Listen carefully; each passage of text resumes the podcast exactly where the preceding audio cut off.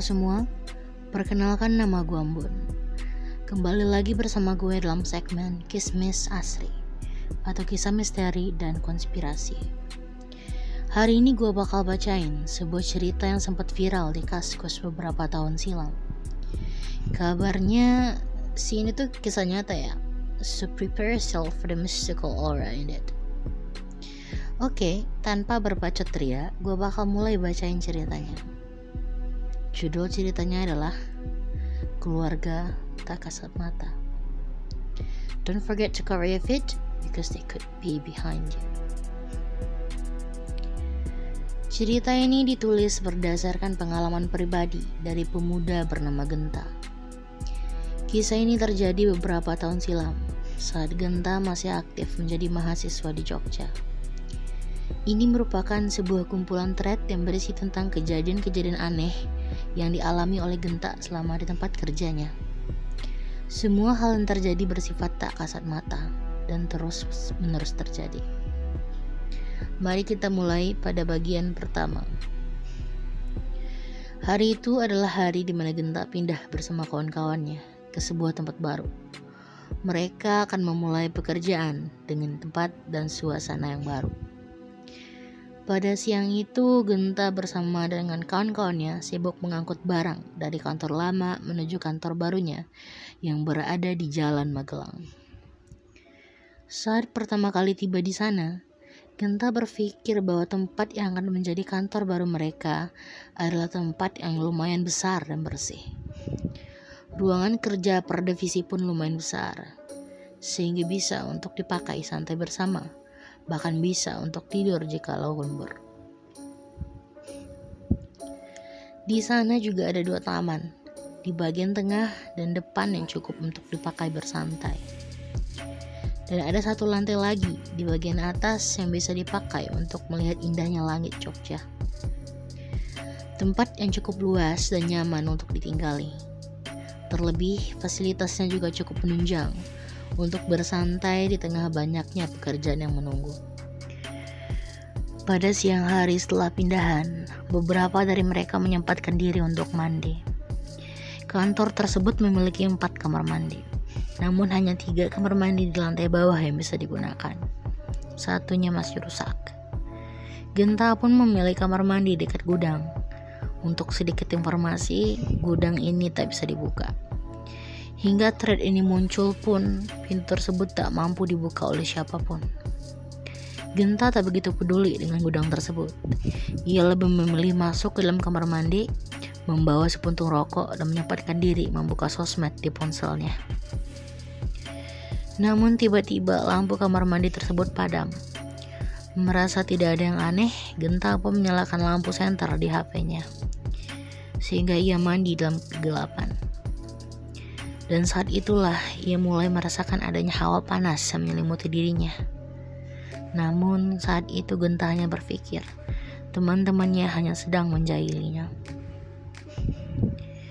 Tak butuh waktu yang lama bagi Genta untuk menyelesaikan mandinya. Ia berusaha tenang saat keluar dari kamar mandi.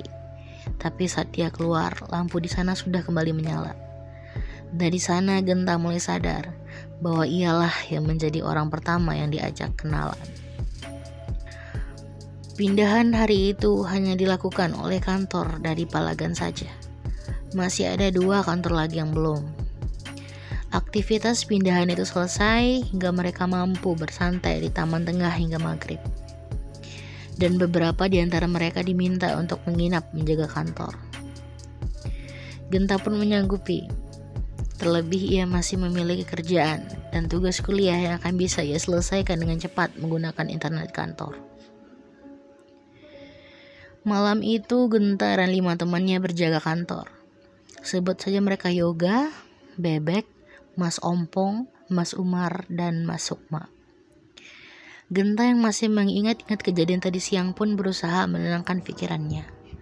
Dan kemudian ia bersama dengan teman-temannya nonton film horor namun lagi-lagi lampunya padam. Genta masih berpikir itu adalah hal yang wajar, karena kantor tempat ia bekerja memang sering mati lampu karena gangguan. Genta dan teman-teman yang lain menyusul Mas Ompong dan Bebek di ruang tengah. Hingga saat mereka berkumpul, Mas Ompong pun bercerita bahwa sebelum mati lampu, MP3 miliknya berganti lagu menjadi Ling Serungi. Dan saat lampu padam, ia merasa mendengar suara bisikan wanita dengan tawa khasnya. Hihihi. Meski Mas Sukma mencoba menetralkan suasana dengan bercanda, suara tawa tersebut kembali terdengar. Kali ini tawa tersebut tepat di antara mereka. Jelas, suara tawa pendek yang berulang di depan wajah mereka yang terdiam. Ya, benar. Ada sesuatu yang tidak sembarangan di sana. Malam yang masih belum menemui puncaknya membuat Genta dan teman-temannya harus bertahan lebih lama. Mereka termenung cukup lama atas kejadian tersebut. Berusaha memberanikan diri dengan mengalihkan pikiran masing-masing. Masuk mas selaku pemilik pun tak tahu benar tentang asal-usul bangunan tersebut. Yang ia tahu hanya tempat itu kosong selama dua tahun.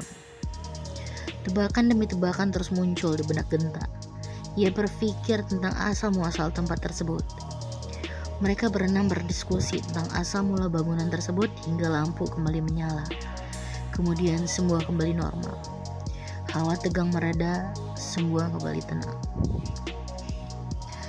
Hingga waktu menunjukkan pukul tengah malam, mereka mulai mengatur karpet untuk dijadikan alas tidur. Tersisa dua orang di luang tengah yang masih bergulut dengan kesibukan mereka masing-masing. Untuk menuju ruang tengah, terdapat sebuah lorong yang masih memiliki ruangan kosong. Namun yoga terlihat beda dari biasanya. Genta mencoba berpikir positif tentang yoga. Namun Yoga akhirnya juga bercerita bahwa ia merasa ada seseorang yang mengintipnya ketika ia sedang mandi. Bau air keran yang ia gunakan terasa amis dan mengucur dengan deras.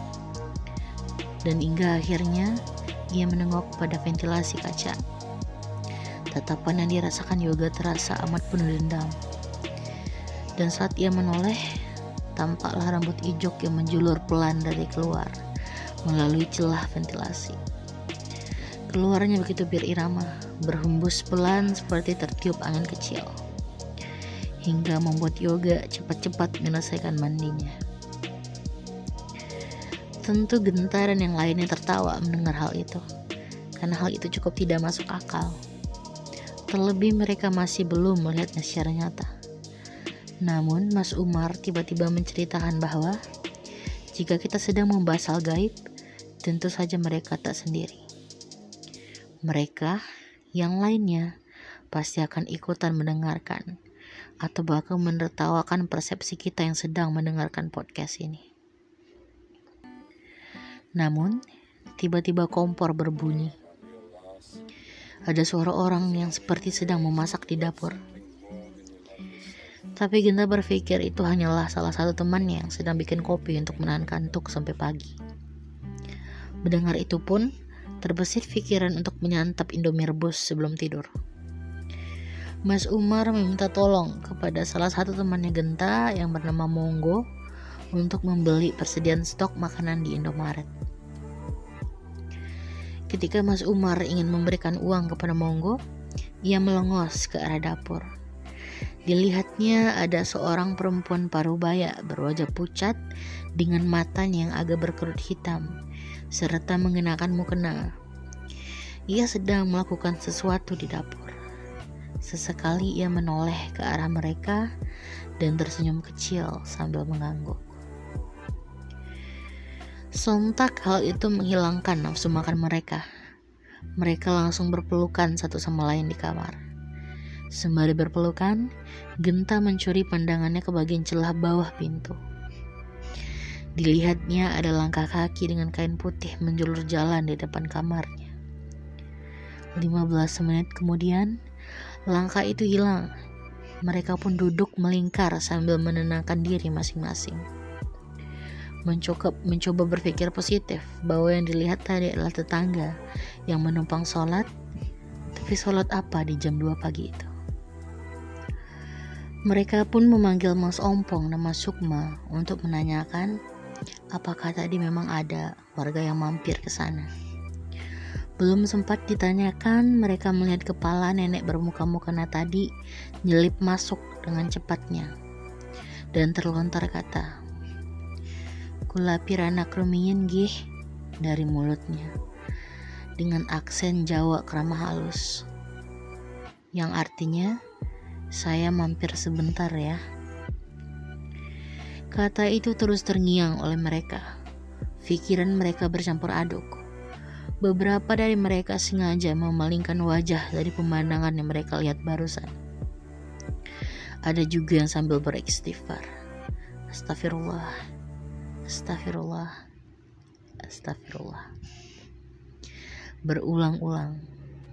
Niat untuk lari dari ruangan tersebut pun ditangguhkan karena untuk pergi dari ruangan tersebut, mereka harus melewati nenek yang ada di depan pintu ruangan. Mereka pun dengan perlahan melihat ke arah pintu.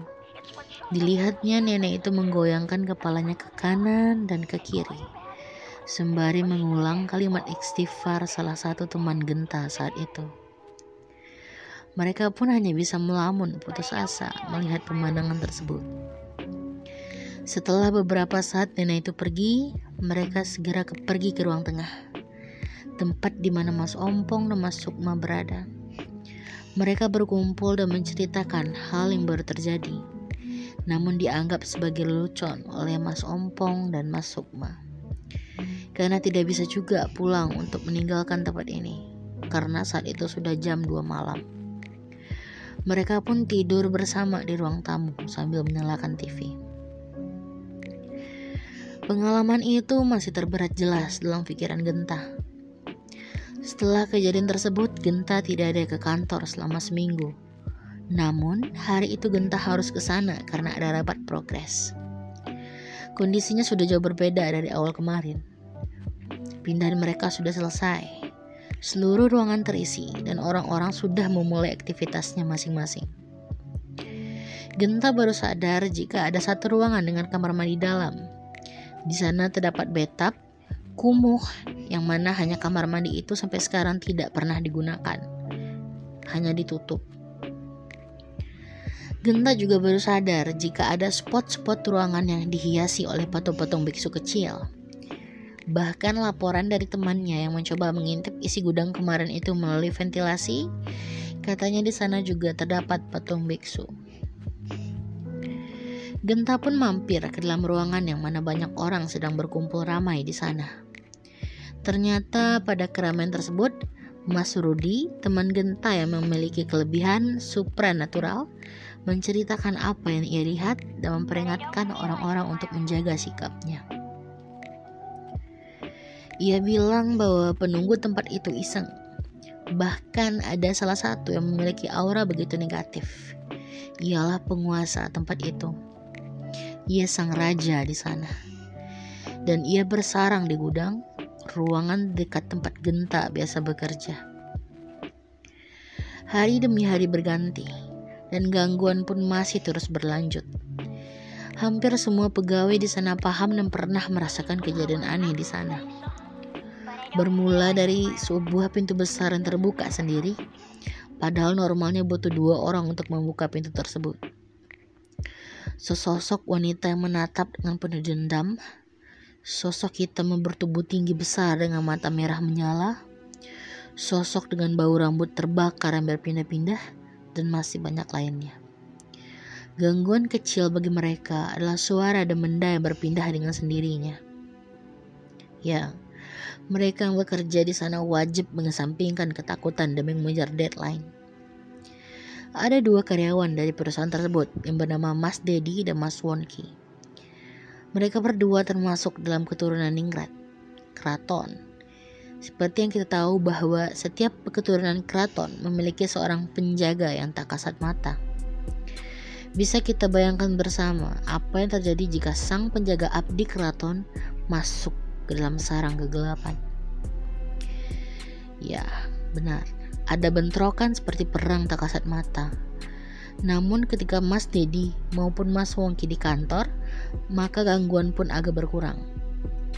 Hingga ada saat di mana penjaga Mas Dedi ini mau tak mau harus stay di kantor tersebut.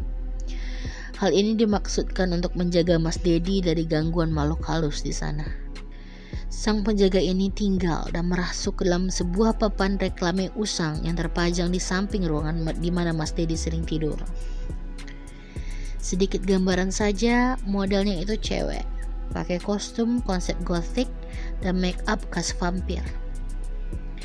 Si penjaga bersemayam di balik papan reklame tadi karena di sekitar situ ada makhluk berwujud cewek cantik tapi kakinya mirip kaki kuda yang sering mengganggu di sekitar situ. Biasanya yang diganggu itu yang ditaksir sama dia. Bahkan ada yang sampai diikuti sampai ke rumah. Menurut pengakuan seorang karyawan di sana yang pernah ngeliat langsung, si penjaga tadi terkadang sering meloncat keluar menjadi sosok nyata mirip model, mondar wandir di sekitaran lorong. Dia pikir waktu itu mungkin anak-anak lagi foto dan ngerjain sebuah sesi.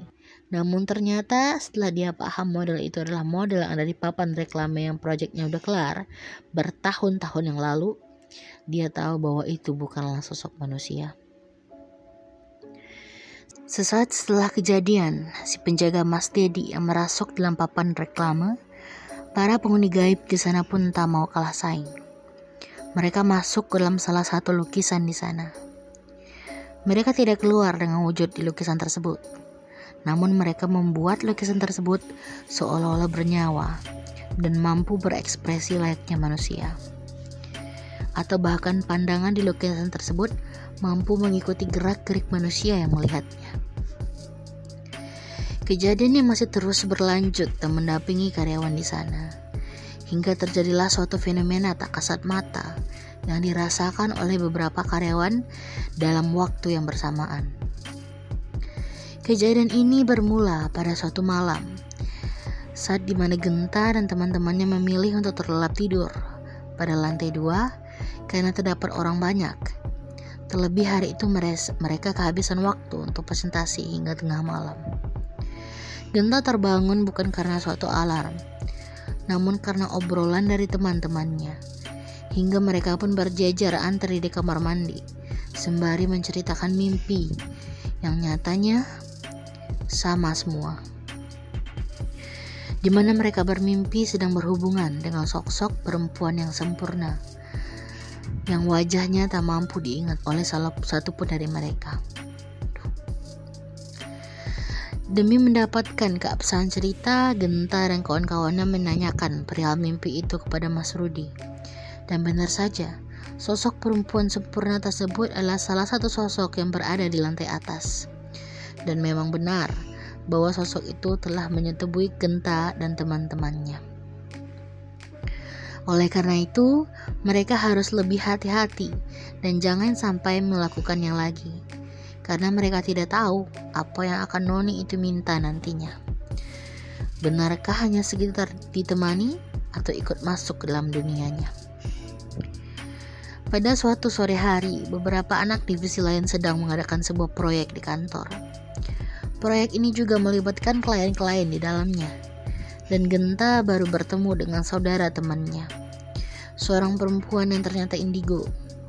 Orang yang mampu melihat segala hal tak kasat mata. Sebut saja ia bernama Mbak Ibigo. Mbak Indigo. Sejak Mbak Indigo datang, ia telah mengatakan berbagai hal yang tidak dimengerti Genta. Hingga akhirnya Mbak Indigo berkeliling tempat tersebut yang diikuti oleh beberapa orang karyawan yang penasaran dengan sosok-sosok di sana. Mbak Indigo menjelaskan bahwasanya di sana ada sosok penunggu baik di bagian dapur, namun penunggu tersebut sudah keluar. Ya, itu sang nenek. Kemudian di arah tangga ada penunggu usil. Mbak Indigo juga mengatakan bahwa di arah WC ada satu penunggu yang ngumpet dan tidak pernah keluar. Ia bersembunyi di sana, di sebuah ruangan yang ada kamar mandinya. Lalu ada juga yang berjalan bersama mereka. Sosok tersebut berwujud anak kecil, ganteng, tapi tangannya panjang. Mbak Indigo membuat gerakan seperti sedang mengelus kepala seseorang. Dan itu membuat Genta bersama teman-temannya membayangkan si anak tadi emang lagi dipelukan Simba sambil ngeliatin mereka. Ada pula yang duduk di tangga sambil senyum-senyum. Ia seorang bule dan kemungkinan menyukai mereka. Namun Mbak Indigo memberitahu mereka untuk tetap tenang karena di sekitaran sana semuanya baik, meski terkadang suka usil. Mbak Indigo saat itu mengatakan untuk tidak melewati taman terlebih dahulu karena terlalu ramai. Jadi mereka mengambil jalan menuju lorong setelah dapur.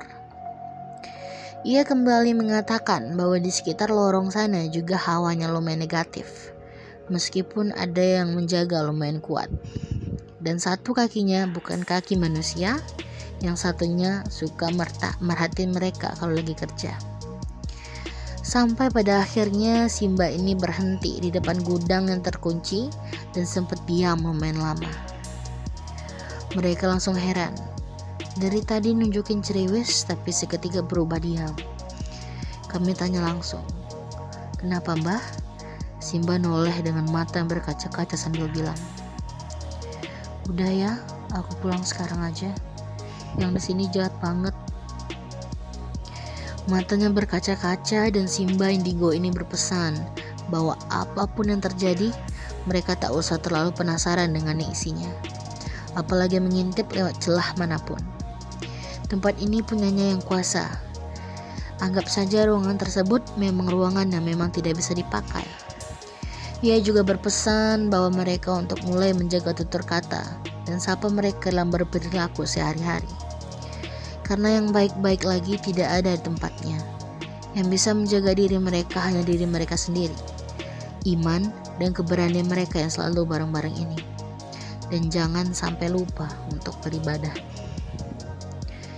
Sejak hari itu gangguan pun mulai jarang terjadi. Paling hanya gangguan-gangguan kecil yang tidak terlalu menakutkan bagi mereka.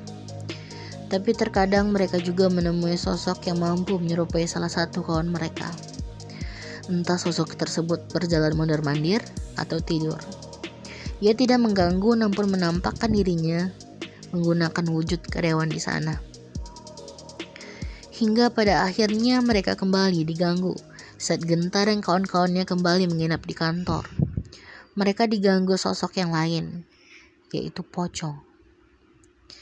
Dan saat teman yang lain juga melihat penampakan yang lainnya. Saat itulah Gentar dan kawan-kawan yang berpikir, apakah eksistensi makhluk-makhluk tersebut kembali?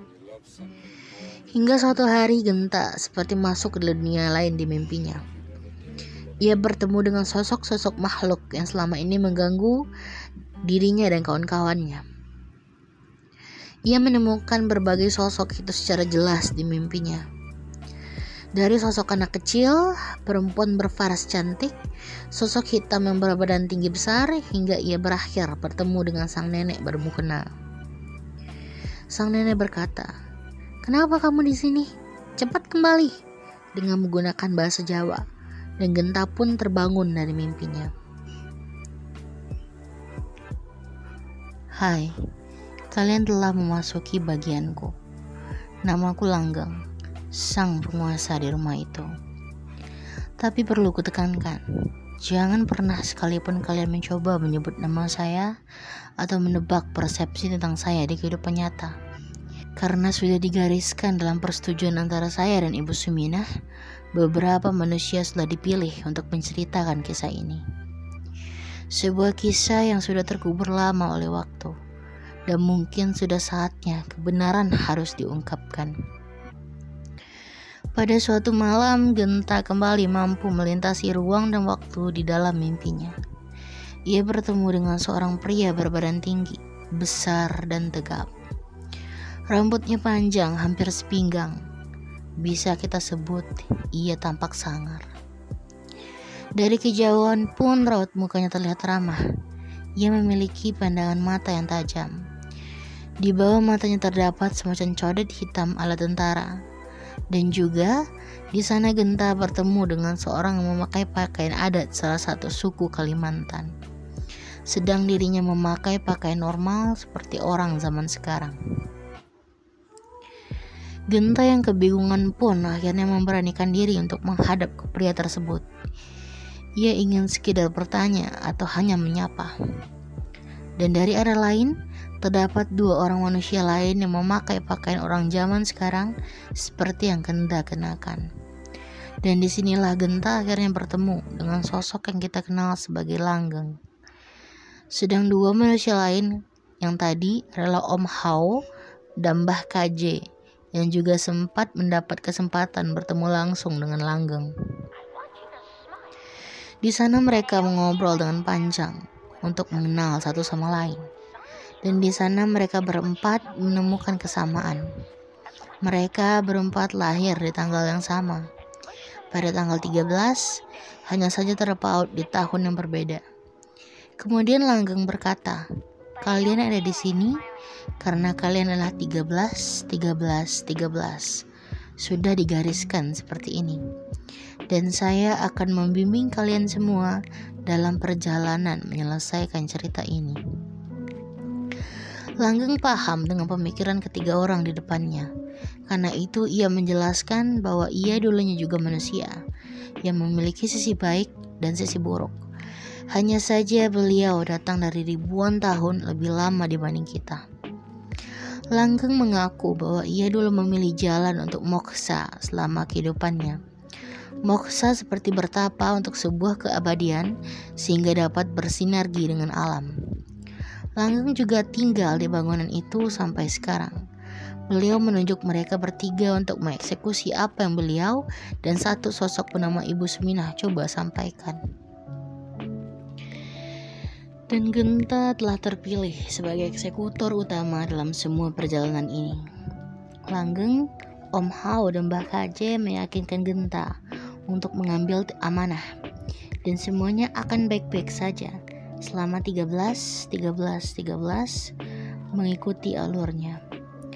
Meski Om Hao dan Mbah Kaje mendapat tugas berbeda, namun misi tersebut sama beratnya. Om Hao sebagai perantara atau juru bicara antara manusia dan penunggu astral di kantor tersebut. Mbah KJ sebagai sosok yang menengahi serta mengontrol kondisi publik antara manusia dengan manusia. Sedang gentalah yang ditunjuk untuk menyenergikan semuanya ke dalam pesan tulisan. Semua terhubung secara batin akan tugas ini. Genta kembali memasuki dimensi yang berbeda. Bahkan di ruang tersebut, Ponselnya jelas menunjukkan tanggal sekian, tahun sekian, 1950. Bahkan saat ia hampir terkena golok, golok itu menembus dirinya begitu saja. Ia seperti tak kasat mata. Tak ada yang mampu melihatnya. Ia akhirnya sadar ia berada di tanah lapang dan semak belukar yang nantinya akan menjadi bangunan tempat kantornya berada. Di sana hanya terdapat sebuah pohon yang sangat besar dan terkesan begitu angker. Ia akhirnya melihat seorang kakek tua yang duduk di dekat rawa. Kakek tersebut terlihat mirip dengan langgeng. Genta mencoba duduk di dekat kakek tersebut untuk memastikan apakah kakek itu melihatnya. Tapi kakek itu tidak bisa melihatnya atau mendengar suara Genta. Mau nangis. Genta mencoba duduk di dekat kakek tersebut untuk memastikan apakah kakek itu melihatnya. Tapi kakek itu tidak bisa melihatnya atau mendengar suara Genta. Itu yang Genta pikirkan. Namun Genta salah. Kakek itu bahkan mampu mengajaknya bicara. Saya akan membacakannya dalam bahasa Indonesia. Sang kakek menggerutu pada Genta tentang pohon angker yang dirusak. Kalian pasti sudah tahu wujud pohon besar di sekitaran kampus UGM yang sudah jadi urban legend. Ya, seperti itulah bentuk pohonnya. Kakek itu menuturkan bahwa orang-orang di sana yang sedang merusak pohon angker tersebut sedang ditatap oleh ratusan siluman monyet yang tinggal di sana. Namun Genta tak melihat yang kakek itu katakan. Sedang si kakek mengatakan bahwa sang raja dari pasukan siluman monyet tadi berada di sebelah Genta. Sang kakek menyarankan Genta untuk tidak melihat ke sebelahnya. Perwujudan dari raja tersebut berbadan besar seperti raksasa hitam, bermata merah, dan ia sedang marah sama semua orang yang telah menggusur rumahnya. Namun tiba-tiba sebuah teriakan membuat Genta refleks menoleh. Kalian sudah mengusir saya. Jangan pernah berharap saya dan teman-teman saya pergi. Sampai kapan pun saya akan tetap di sini. Genta yang tak kuat pun pingsan. Seketika alam bawah sadarnya bereaksi dengan sangat cepat. Ada begitu banyak suara yang menghampirinya. Lalu ia pun mendengar suara samar yang berbisik. Jadilah aku nak, kamu akan tahu semuanya. Kini kalian akan berkenalan denganku. Nama saya adalah Ibu Suminah. Saat kalian mendengar pesan ini, mungkin akan banyak sosok yang akan muncul di sekitar kalian. Tapi saya akan selalu di samping kalian. Abaikan jika ada gangguan. Karena itu saya pasti akan mencoba untuk melindungi kalian dari yang jahat. Genta dibangunkan oleh sosok wanita aksen Jawa kental ia tersenyum pada Genta. Kini Genta telah di waktu yang berbeda. Tempatnya hampir sama, namun kini tempat itu sudah ditumbuhi peradaban manusia. Wanita itu tersenyum dan memperkenalkan dirinya sebagai Suminah. Kemudian ia mengajak Genta masuk ke dalam rumahnya. Ibu Sumina dan anak-anaknya mampu melihat Genta, namun tidak dengan suami Ibu Sumina. Rumah Ibu Sumina terlihat kurang layak huni untuk keluarga dengan jumlah enam orang. Rumah Bu Sumina terlihat kurang layak huni untuk keluarga dengan jumlah enam orang. Rumahnya bisa dibilang memprihatinkan. Bu Sumina izin pada Genta untuk pergi keluar sebentar. Ia diminta menunggu. Namun, Genta yang terlanjur penasaran pun mengikuti Bu Suminah secara sembunyi-sembunyi. Meski dalam hatinya ia merasa yang sedang ia lakukan itu salah, ia masih mengikuti Ibu Suminah. Dan dari yang dia dengar waktu itu, Bu Suminah dan keluarganya datang dari rumah ke rumah untuk memenuhi kebutuhan mereka. Namun ia tak mendapatkannya. Sehingga pada akhirnya ia kembali ke rumah Bu Suminah dan terdiam di sana sembari melihat si bapak yang dari awal memang hanya diam. Dan akhirnya Bu Suminah kembali. Ia meminta Genta untuk tinggal di sana sebelum pulang. Nanti ia akan bertemu dengan Langgeng dan orang-orang baru di sana. Setelah kejadian itu, akhirnya Genta bertemu dengan 13-13 lainnya, yaitu Om Hao dan Mbah Kaje. Ia juga sempat menceritakan hal tersebut kepada Mbak Indigo, dan Mbak Indigo mengatakan bahwa itu memang sudah digariskan. Genta kembali dibawa ke masa lampau. Kini Bu Suminah dan Bapak akan pergi untuk sementara. Genta diminta tinggal di sana bersama dengan anak-anak Bu Suminah dan ia juga akan dijaga oleh Mbok Rah. Seseorang yang juga bisa melihat Genta di masa itu. Saat Mbok Rah dan Genta dan anak-anak selesai makan, Mbok Rah meminta maaf kepada Genta ia meminta maaf karena ia pernah beberapa kali datang ke tempat Genta dan tak sengaja menampakkan dirinya saat sedang memasak. Ia hanya ingin memperingatkan Genta karena sesuatu di sebelah ruangan Genta waktu itu sangat mengerikan. Karena itulah ia mengucap astagfirullah dan berharap sosok tersebut segera hilang dan tidak mengganggu mereka. Hari berlalu dengan cepat hingga pada akhirnya Bu Suminah dan sang bapak kembali. Kini raut wajah begitu cerah, sedangkan Bu Suminah wajahnya terlihat begitu berbeda. Saat ia kembali ke kediaman mereka, Bu Suminah seperti mengisyaratkan sesuatu kepada Mbok Rah, dan kemudian ia menatap Genta dengan pandangan yang berbeda. Dari sana semua keadaan mulai berubah. Bapak yang kembali dengan hanya membawa cermin kini mampu mendapatkan segala hal yang ia mau. Ia pun membuat ruangan khusus untuk cermin tersebut. Dan pekerjaannya hanya mondar-mandir masuk ke dalam ruangan itu. Namun ia mampu memperoleh kekayaan. Bahkan ia mampu memberikan pinjaman tanpa meminta kembalian. Sedangkan Bos Minah semakin menjadi pendiam. Bu Ora dan keluarganya akhirnya dipekerjakan untuk membantu mereka Bu Orah dikhususkan untuk menjaga anak-anak dan dia adalah orang yang terpercaya bagi keluarga Sumina. Keberadaan Genta mulai diabaikan.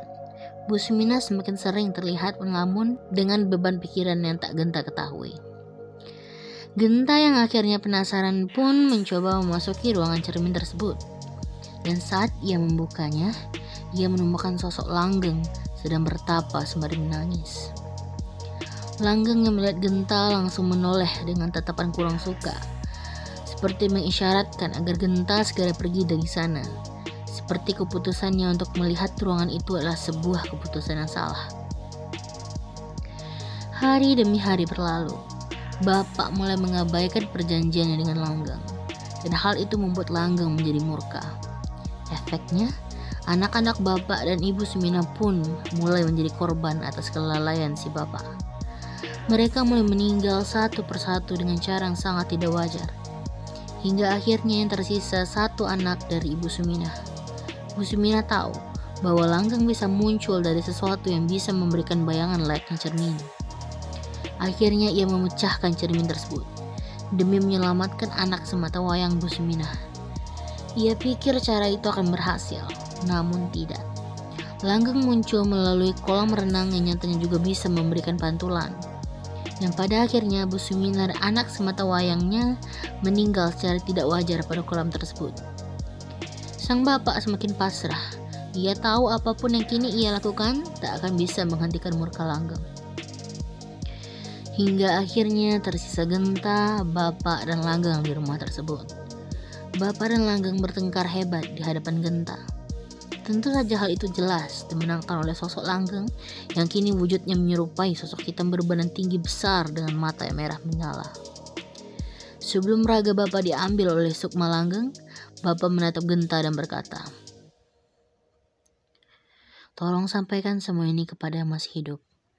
Jangan sampai apa kesalahan yang sudah saya perbuat sekarang terulang lagi ke generasi selanjutnya. Cukup keluarga kami saja yang mengalami semua ini. Tidak ada kekayaan yang bisa didapat secara instan.